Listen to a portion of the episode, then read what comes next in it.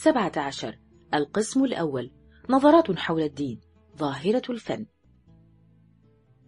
دراما الوجه الإنساني. الفن مأخوذ بمشكلة الشخصية. ففي رواية الحرب والسلام تظهر 529 شخصية. وفي الكوميديا الإلهية عالم لا حصر له من الشخصيات.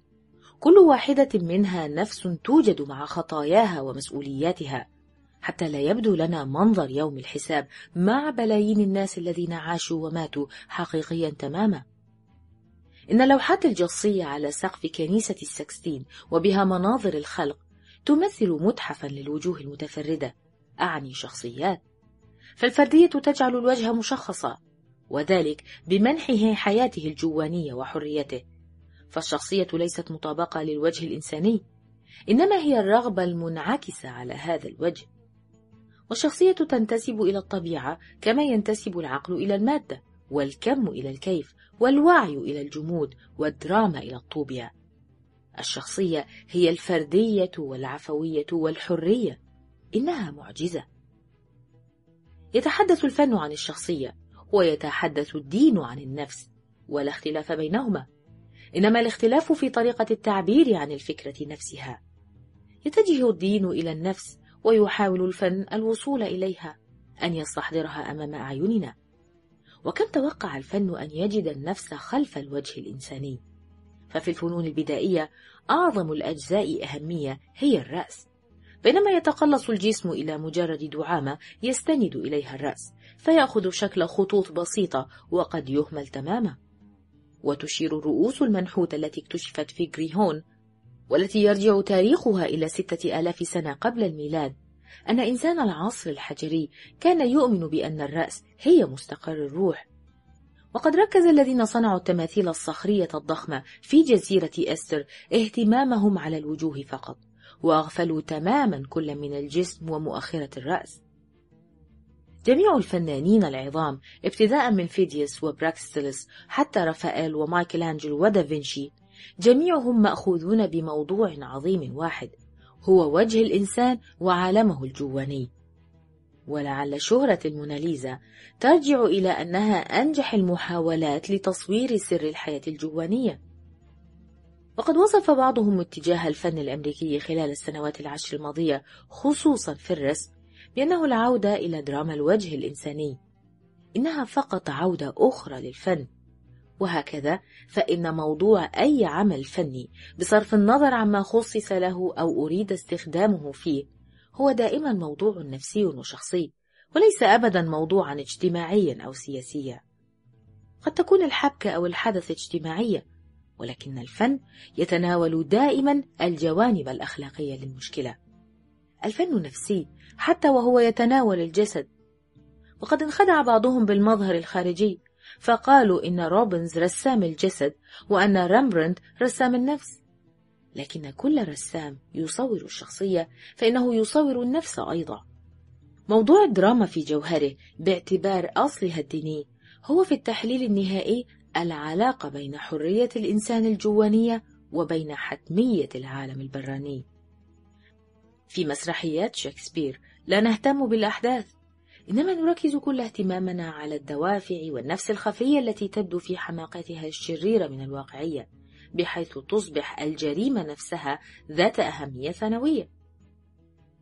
وفي هذا يقول يوجين أونيل معبرا عن الفكرة نفسها لا حاجة بنا إلى الأحداث فإن الشخصيات كافية. ليست الشخصية شيئا إنها توجد في الفن مثل أنا وأنت. وهذا يفسر لنا الاتجاه المستمر لمحو الفرق بين المبدع والمشاهد وإدماج المشاهد كشريك مباشر في الإبداع حتى في الرسم كما يذهب الرسام الأمريكي روزنبرغ. فعندما تفد مجموعة من الراقصين إلى قرية أفريقية يلتحق بهم الأهالي واحدا بعد الآخر بحيث لا يبقى في النهاية مشاهدون. فلا أحد يتخلف إنما يأخذ كل واحد منهم مكانه في الحلبة. وهذا هو مبدأ وحدة العمل الفني الوحدة بين الفنان والمشاهد وهو مبدأ ينبع من الطبيعة الميتافيزيقية للفن. فأي نوع من المبادئ هذا المبدأ؟ إنه العلاقة بين الفن وبين ما نطلق عليه عادة الحقيقة الموضوعية.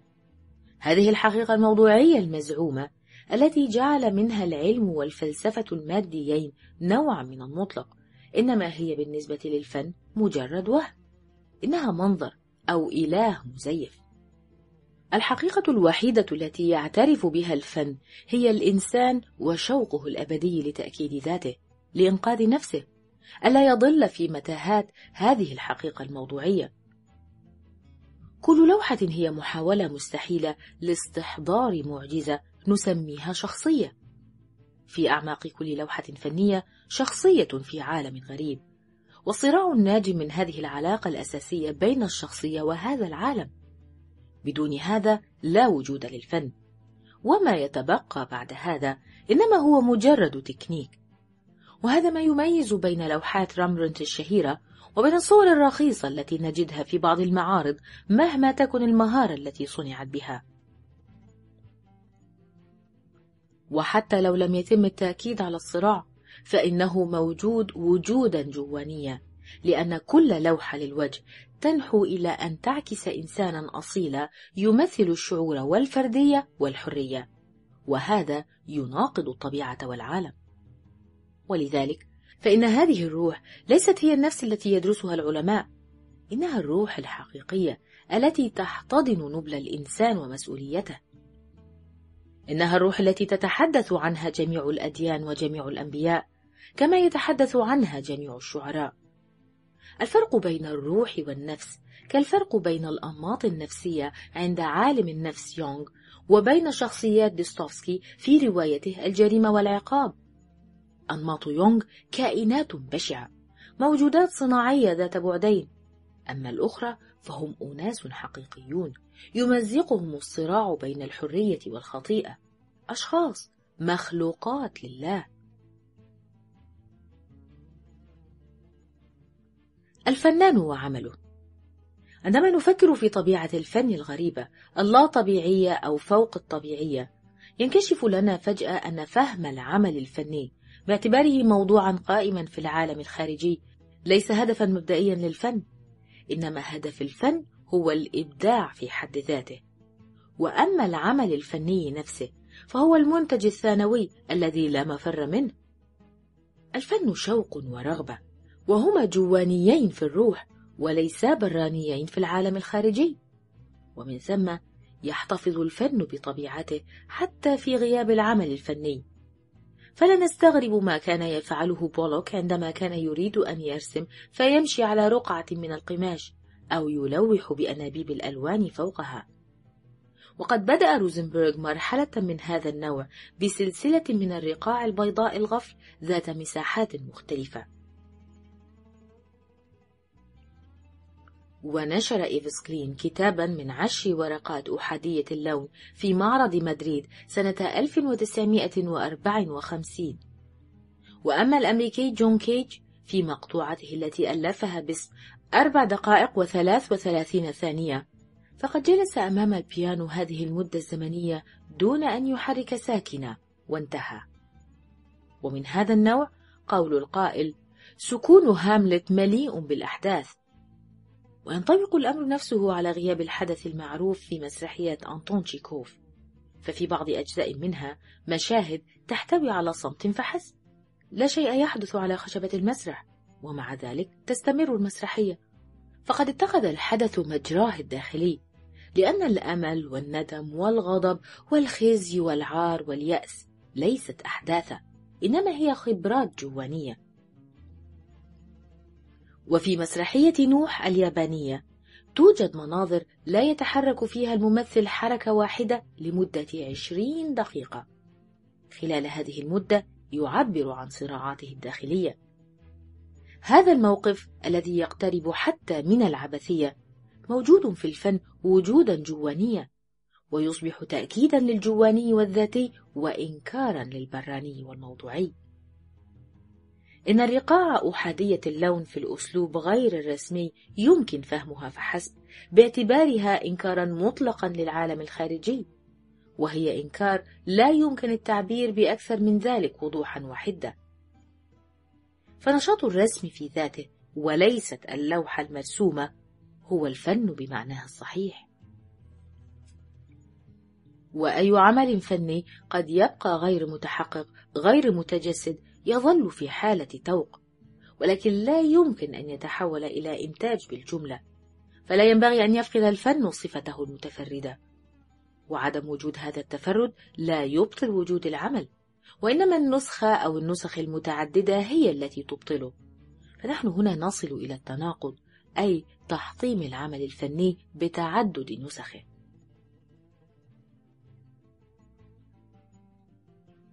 واستخلاصا مما تقدم.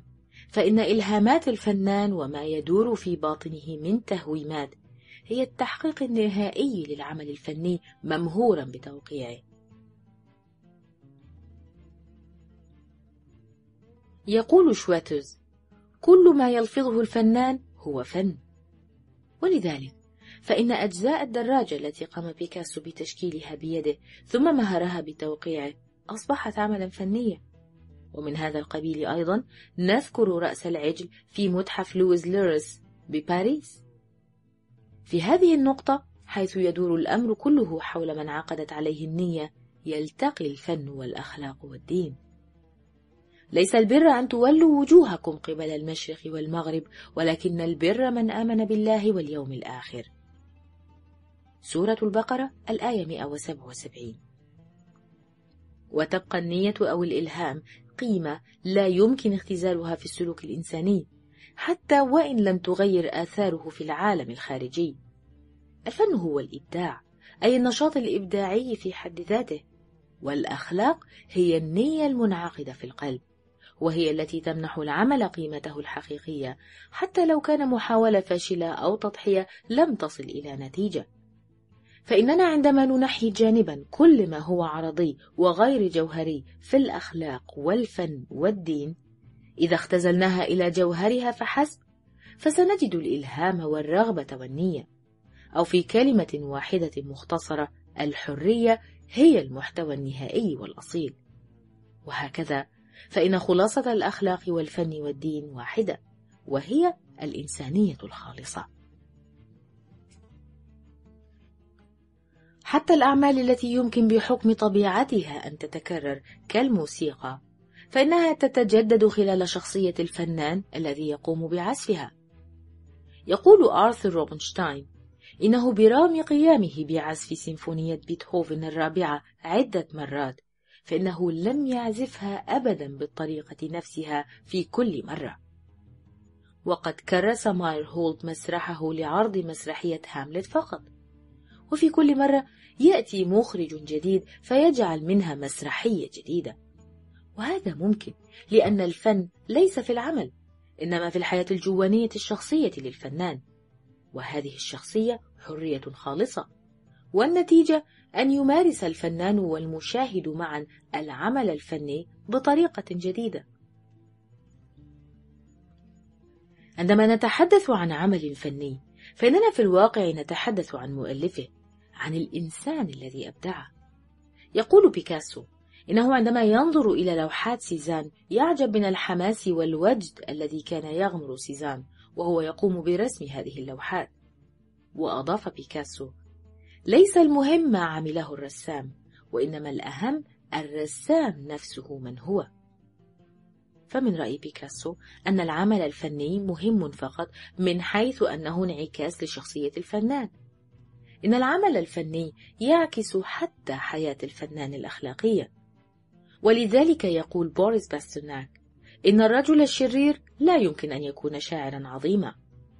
فالعمل الفني هو الفنان نفسه. ولذلك فإننا عادة ما نعرف العمل بصاحبه. فبدلا من ذكر عنوان اللوحات الفنية نقول لوحة سيزان أو لوحة دورر أو لوحة روبنز. عندما نقول رامبرنت ولا نذكر حارس الليل فإننا نكون قد قلنا كل شيء عن اللوحة. هذا هو الجوهر وما عداه أعراض. ينتمي الفن إلى عالم الصدق الجواني وليس لعالم الواقع البراني. ولذلك نستطيع أن نضع خطا فارقا بين الفن الحقيقي والفن المزيف بين قصيدة ملهمة وبين قصيدة مصنوعة حسب الطلب. لما كان كل استنساخ قبيح كما أعلن آلا مستنكرة. إيلين اسم المستعار لإيميلي تشارتيير. الفرق بين الأصل والمستنسخ يوجد فقط من ناحية الإبداع. أما من الناحية الموضوعية فلا يوجد فرق وإن وجد فهو فرق طفيف. وينطبق المبدأ نفسه على الأعمال الهابطة في الفن وهي التي يطلق عليها كيتش. ولقد فشلت كل محاولات تعريف الكيتش حتى جاء إبراهام موز واستطاع أن يخترق المشكلة عندما اكتشف أن الكيتش ليس شيئا بل علاقة بين الإنسان والشيء فهو وصف وليس اسما.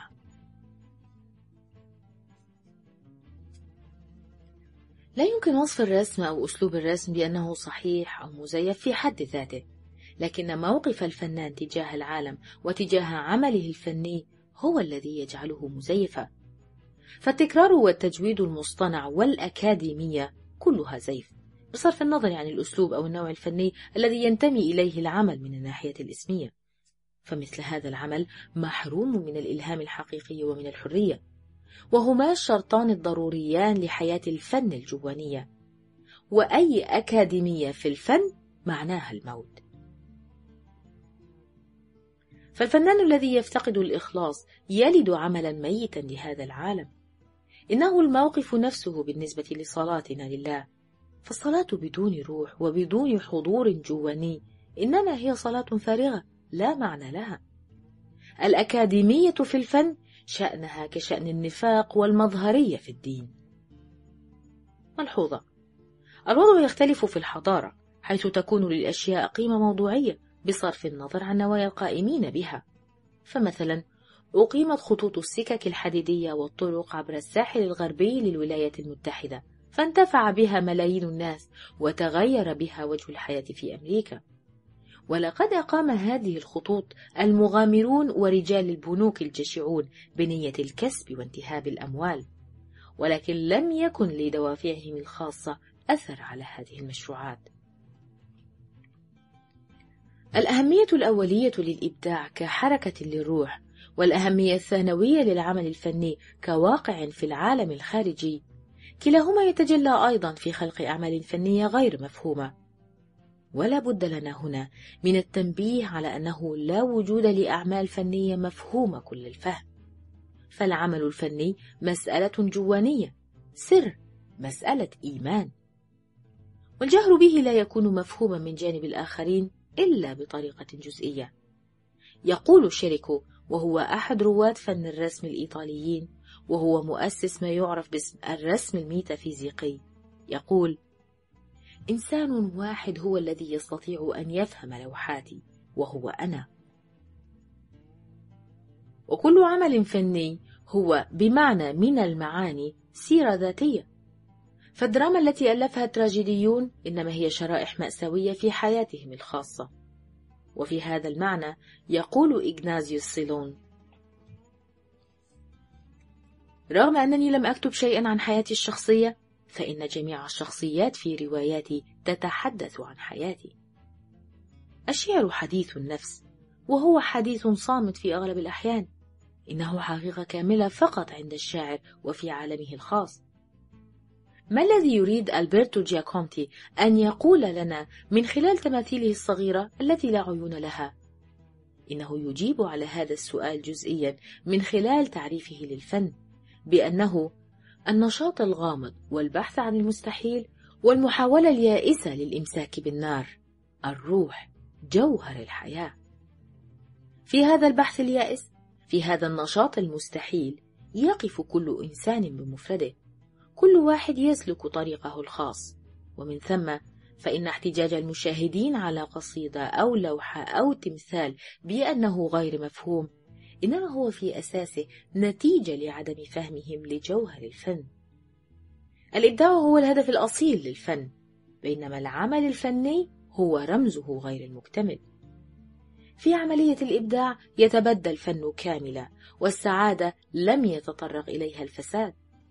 إنما يوجد جزء من ذلك فقط في العمل نفسه. ويصعب أحيانا استيعاب معنى صورة لشخص أو تمثال لأن العمل منفصل عن الفنان وعن فعل الإبداع. إن زيارة المتاحف الفنية قد تجعل مشاعرنا على الحياد لأن النار المقدسة لم تعد تتوهج هناك.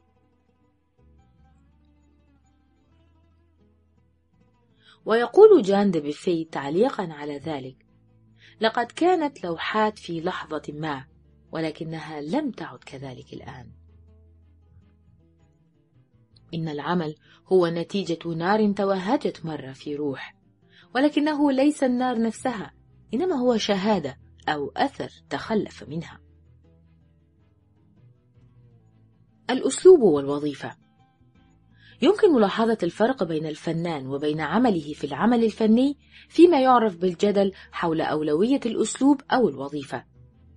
إن الأسلوب في مقابل الوظيفة يساوي الإنسان في مقابل الشيء. الأسلوب شخصي فردي، والوظيفة لا شخصية وموضوعية. الأسلوب إبداع، والوظيفة تخضع للتحليل والاختبار والإنتاج. قد يوصف الأسلوب بأنه جليل، رائع، منمق، مخلص، مجرب. أما الوظيفة فيمكن أن تكون دقيقة من ناحية التكنيك على أكثر تقدير. الأسلوب غامض والوظيفة معقولة.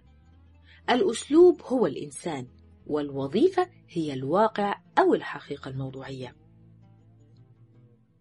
نستطيع أن نميز بين نوعين من الأنشطة مستقلين منفصلين. التشكيل الجمالي والكمال التقني.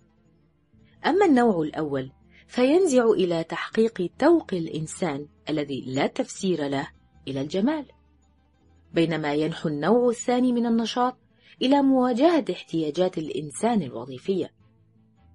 يتجه التصميم الجمالي نحو التنوع والفردية، أما الكمال التقني فيتجه نحو التماثل والاضطراد. ملحوظة.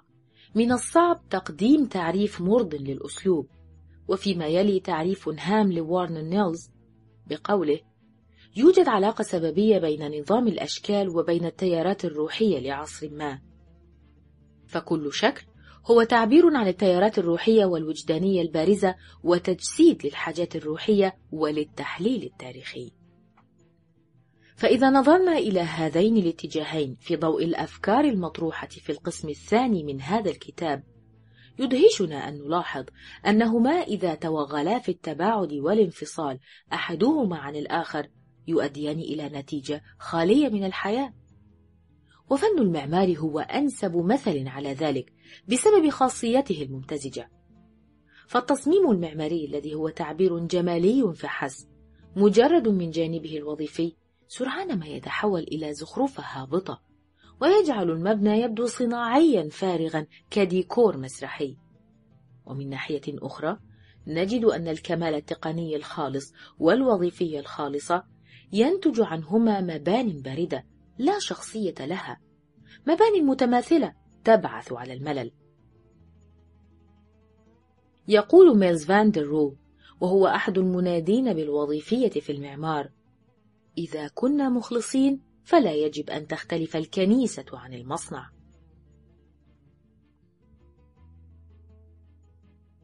وهكذا مرة أخرى تعود جميع الانقسامات المبدئية للعالم لتنعكس في هذا التناقض بين الأسلوب والوظيفة. الفن والنقد. يمكن أن تفسر لنا هذه الحقائق التي أشرنا إليها إخفاق النقد الفني ومحدوديته. فالنقد محاولة لشرح عمل من أعمال الفن ولكنه بداهة غير قادر على القيام بهذه المهمة بسبب منهجه العقلاني. إنه يريد أن يفكر في شيء ليس في جوهر ثمرة من ثمار الفكر. ملحوظة. يقول أندري مارشان ليس الرسام مفكرا فلا فائدة من الفكر في الرسم. إنما النور الذي يشع من الروح هو الضروري. ويقول بشيه يجتذب الرسم العواطف الإنسانية. فعلى الإنسان دائما أن يعود دائما إلى المصادر فإنها هي الأنقى والأصدق. إن حضارتنا غارقة في الفكر والمفكر أبعد ما يكون عن فهم رمزية الفن. العمل الفني بالنسبة للفنان رؤية جوانية استثارتها المعاناة والتجربة وليست نتيجة تحليل أو تفكير منطقي. إنه ابن الأسى والألم. وهذا هو السبب في أن النقد يجلب الاضطراب أكثر مما يلقي الضوء على العمل الفني عندما يعرض لتفسيره. فالنقد يقتل العمل الفني. وقد شكا أينشتاين في خطابه إلى توماس مان بعد أن حاول قراءة كتاب من تأليف فرانس كافكا فقال لم أستطع قراءته. إن العقل البشري ليس معقدا إلى الحد الذي يستطيع أن يفهم كافكا. وهذا هو موقف النقاد الذين تمكنوا من التفوق على كافكا نفسه. فقد كتب ألفريد كازن قائلا لقد كان من الأيسر لي قراءة كافكا أكثر من قراءة معظم نقاده ومفسريه. إن كافكا قد ينظر إلى كتبهم كمثال على عزلته عن البشر. وكان دوستوفسكي موضع إعجاب قرائه ولكن كان نقاده وشارحوه مصدر عذاب له. فكتب في مذكراته سنة 1876 يقول لقد حظيت دائما بتأييد قرائي لا ناقدي. يحتاج الفن إلى مشاهدين غير ناقدين. فالمشاهد الناقد سوف يتحول العمل الفني عنده إلى سلسلة من الوقائع والتعاليم الأخلاقية وسيتجاهل مقصد الفنان ونواياه. ولذا يمكن القول بأن المشاهد العادي أو القارئ العادي يسهل عليه إدراك الرسالة الحقيقية للعمل الفني أكثر من الناقد واسع المعرفة. فهؤلاء القراء والمشاهدون لأنهم لا يحاولون فهم العمل الفني ينجحون في المشاركة في تجربته. والاختلاف بين الناقد والمشاهد في تذوقهما للمسرحية أو القصيدة يأتي من الاختلاف الشديد بين الموقفين. إن النقد والفن لا يجتمعان كما لا يجتمع اللاهوت والدين. وقد شبه فولكنر بالفعل النقاد بالقصص. إن القضايا الأخلاقية يمكن التعبير عنها بكفاءة من خلال الدراما والمسرح أو خلال رواية ويجب أن يكون مفهوما أن القرآن والإنجيل ليسا من كتب اللاهوت. وتلك نقطة يلتقي فيها الفن والدين بل لعلها تثبت أنهما متساندان. فالمسيحية يمكن أن توجد بصدق كتاريخ للمسيح عليه السلام. لا كلاهوت. فالمسيح والأناجيل من ناحية وبولس والكنيسة من الناحية الأخرى. ولكي نلخص هذا كله حول النقاط المشتركة بين الدين والفن نقول إن الفن في بحثه عما هو إنساني أصبح باحثا عن الله. وإذا كان الواقع يشير إلى وجود فنانين ملحدين اسميا فإن هذا لا يغير كل شيء لأن الفن طريقة للعمل. وليس طريقة للتفكير. توجد لوحات لا دينية وتماثيل لا دينية وكذلك قصائد من الشعر ولكن لا يوجد فن لا ديني وظاهرة الفنان الملحد هي ظاهرة نادرة جدا ويمكن إرجاعها إلى تناقض في الإنسان نفسه وهو تناقض لا مفر منه كما ترجع إلى الاستقلال النسبي للمنطق الواعي عن العفوية. وبالرغم من أصالة العفوية البالغة إلا أن الموقف العام للإنسان يتشكل بنوع استجابته لمحصلة الضغوط التي تتنازعه بين الأرض والسماء. فإذا امتنع وجود حقيقة دينية امتنع بالتالي وجود حقيقة فنية.